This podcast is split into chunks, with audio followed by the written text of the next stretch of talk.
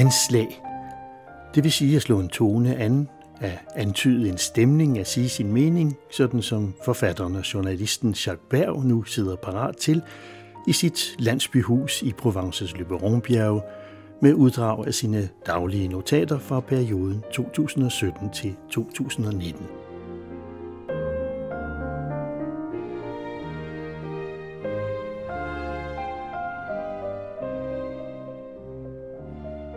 Når Europa får afrikanske temperaturer, vil vores befolkninger reagere som de første mennesker i Afrika gjorde.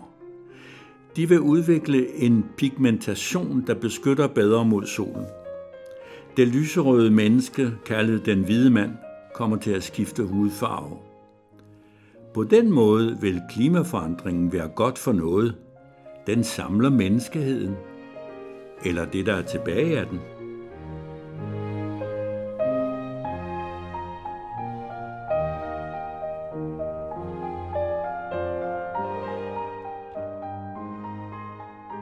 Den eneste plan mod fattigdommen, der dur, bliver aldrig sat i værk.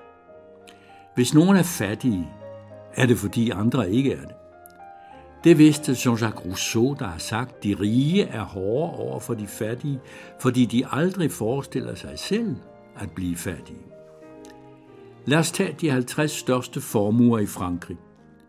De er vokset til det dobbelte de sidste 10 år og repræsenterer nu rundt regnet 650 milliarder euro. Hvis man virkelig vil udrydde fattigdommen, skulle man begynde med de rige. Macron har en plan vedrørende fattigdommen i Frankrig, der naturligvis skal afskaffes. Den er trykt på genbrugspapir og har titlen Lad os gøre mere for dem, der har mindre – taget lige ud af en konkurrence om et regeringsslogan, det vil sige sprogbleget, løgnagtigt og fantasiløst. De fattige er blevet til dem, der har mindre.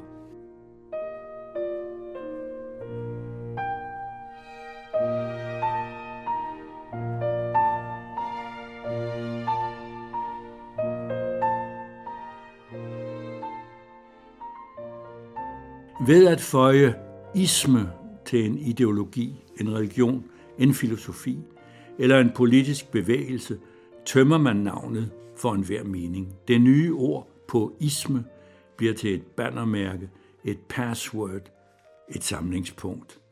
Kristus fik sin kristendom, kristianisme, Marx sin marxisme, de Gaulle sin gaullisme, og islam slås, men ikke nok, med sin islamisme. Livsnyderen og den store tvivler, hvor herre altså, ville formentlig aldrig have tilsluttet sig den moraliserende sekt, der tog navnet efter sønnen, den himmelfarne. Den tyske filosof og den franske general havde god tid til at tage afstand fra de ismer, man knyttede til deres navn. Men islam aner ikke, hvad den skal stille op med sin bande simple mordere, der i ord og gerninger er i modstrid med alle de iboende værdier i den religion, de hævder at stå for og at forsvare. I begyndelsen opfattede man afledningen islamisme som noget positivt. Ordet blev i Frankrig brugt af universitetsfolk som Bruno Etienne, der levede fra 1937 til 2009, og var antropolog, sociolog og politist, specialist i Algeriet og islam netop.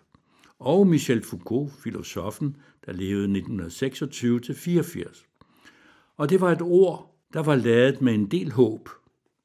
De to og andre med, for eksempel Sartre og de Beauvoir, beundrede Khomeinis nye Iran præstestyret bekom de franske venstre intellektuelle. Den fanatiske ayatollah med det silkebløde skæg, der en tid lang fik frit ophold og beskyttelse i Frankrig, havde jo væltet sagen, det var i 1979, og sat punktum for et stærkt fordømmeligt imperialistisk styre. De franske intellektuelle gik så vidt som til at betragte begivenhederne i Iran som det første skridt hen mod en jordomfattende revolution. Islamismen lå for dem, der dårligt havde rystet skuffelsen over marxismen eller stalinismen af sig, forrest i kampen for en politisk og kulturel omvæltning, som Vesten, der jo havde meget at bede om tilgivelse for, en dag ville nyde godt af. I vore dage giver islamisterne, talibanere, al-Qaida og Daesh eller islamisk stat og søvnløse nætter. De betragter sig selv som Guds tro tjenere, hans uskyldsrene religiøse drabanter, de eneste sande muslimer. Men de er forbrydere, alt for gemene forbrydere, vor tids ulykkesfugle. Og ordet islamisme, der således har været gennem en vis udvikling, anretter naturligvis stor skade på islam. Man skal således vogte sig for enhver isme, og altid huske på, hvad det navn egentlig betyder, som de fire små bogstaver er blevet hægtet på.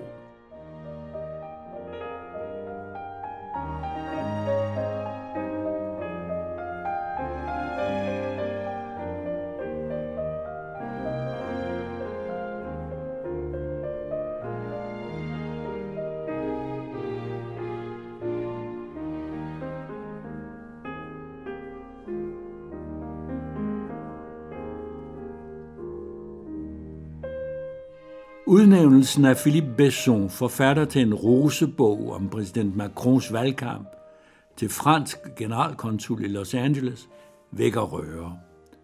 Udenrigsministeriets fagforening, haha, en sådan findes, protesterer mod den fyrstlige nominering. En præsident kan på det ugentlige regeringsmøde udpege, hvem han vil til ambassadør. Men man måtte for ganske nylig ændre reglerne vedrørende de konsulære poster, så statschefen også her fik frie hænder og blot behøver at underskrive et dekret. Den nye metode anses for lige lovlig monarkisk.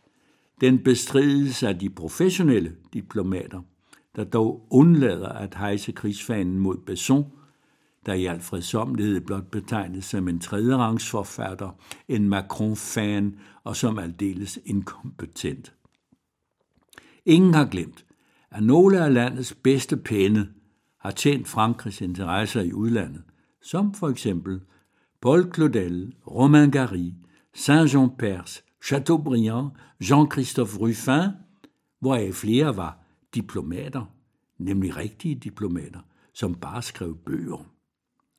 Philippe Besson skønneste af rebellerne på Quai d'Orsay, Udenrigsministeriets tilholdssted i Paris, er nær ven af Madame Macron eller Macron, og har ikke de kvaliteter, der forlanges for at kunne rykke ind i et statsligt logi, få mad på bordet og al resten på skatteydernes regning, og dertil hæve 18.000 skattefri euro, ca. 130.000 kroner om måneden i salær. Ak ja, de Rønnebær, de Rønnebær.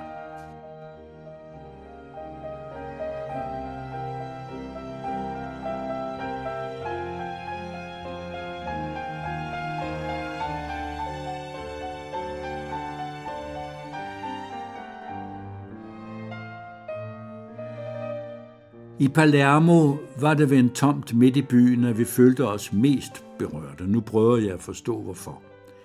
Midt i et arbejderkvarter, der nu er under borgerliggørelse, ikke langt fra havnen, ligger en stor åben plads med græs og lavt murværk. Inde på midten rejser der sig nogle husrejser. I sig selv uden sønderlig interesse, men de virker alligevel som et knytnæveslag. De synes at kalde til uorden de understreger stedets surrealistiske karakter. Helheden overrasker i denne tæt bebyggede by, hvor indeklemte ruiner og monumenter vidner om den fabelagtige kulturelle og religiøse blanding, der har udgjort byens lange historie. Som stillhed i musik fremkalder bytomhed stærke følelser. De nærmest griber ind i struben. Noget ikke eksisterende fylder pludselig op. Det både banale og unikke sted opfordrer en til at åbne sig for noget væsentligt, som man dog kun aner. Et ingenting af poesi. Al sin betydning antager tomten først, når man ved, at dommer Falcone, der levede fra 1939 til 92, blev født her, at kvarteret blev bombet af de allierede i 1943, og at hans hus blev jævnet med jorden i 1959, da bystyret ville bygge sociale boliger, der nu aldrig blev til noget. Og hvis man husker på, at den berømte antimafia-dommer blev sprængt i luften sammen med sin kone, sine medarbejdere og sikkerhedsvagter, foruden et østrisk turistpar, der bare kom forbi på vejen, da en kraftig bombe eksploderede på motorvejen nær Palermo, et attentat som Tortorina, Corleone-klanens almægtige boss Cosa Nostra havde planlagt. Jeg behøver vel ikke at fortælle, at vi havde oplevelsen ved tomten for os selv. Det er jo ikke et sted, man tager krydstogt turisterne hen.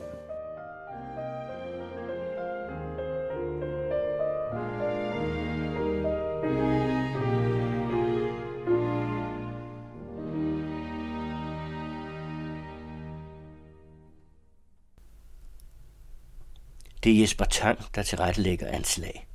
Musikken var uddrag af tre klaverkoncerter af Johann Sebastian Bach, spillet af pianisten David Frey, Jacques Rouvier, Emmanuel Christian og André Vigoureux, med strygere fra Capitol Orkestret i Toulouse.